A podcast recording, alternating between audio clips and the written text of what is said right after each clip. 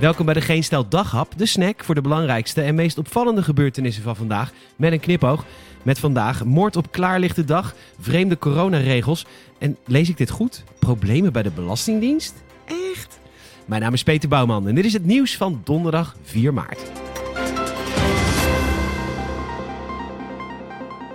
De lat ligt voor de gemiddelde Nederlander redelijk laag als je het vergelijkt met heel veel andere landen. Maar de lat kan altijd lager. Het laagst ligt de lat al jaren bij de Belastingdienst, de dienst waarvoor normale wetten en regels niet gelden. Ze staan vooraan bij het innen van schulden en achteraan als het gaat om vakbekwaamheid. Zo ook vandaag toen er een storing was bij de digitale belastingaangifte. Nou ja, kan gebeuren. En vanwege de storing krijgen we een week langer de tijd om aangifte te doen. Belastingaangifte bedoel ik dan. Aangifte doen vanwege de toeslagenaffaire kan altijd gewoon bij de politie. Helene Bischoff Monen, verantwoordelijk voor de aangiftecampagne, heeft in ieder geval sorry gezegd bij de Telegraaf. Nou ja, kan gebeuren meid en we zullen het je niet nog moeilijker maken. Verjaardagen zullen al vervelend genoeg zijn. Deepfakes. Het is de AI-techniek die het gezicht van Robert De Niro 50 jaar jonger maakte in de film The Irishman. En de techniek die het maar niet lukte om de bochel van Robert De Niro weg te werken in dezelfde film. Heb je het gezien? Jong koppie met een lichaam dat loopt als een bejaarde. Wel vette film trouwens. Maar goed, de Leeuwarden Courant, ja, wij lezen echt alles, bespreekt een functie van de genealogie-website myheritage.nl.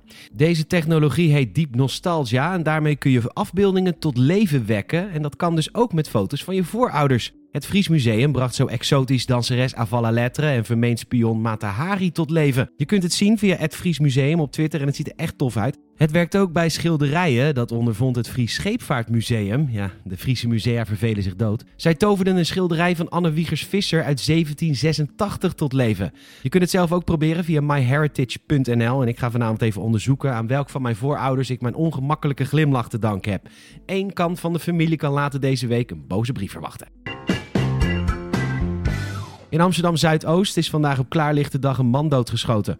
De dader is op het moment van deze opname nog steeds op de vlucht. Killer on the loose, helikopters boven de stad, speurhonden, politie in actie, of zoals ze in Amsterdam zeggen, donderdag.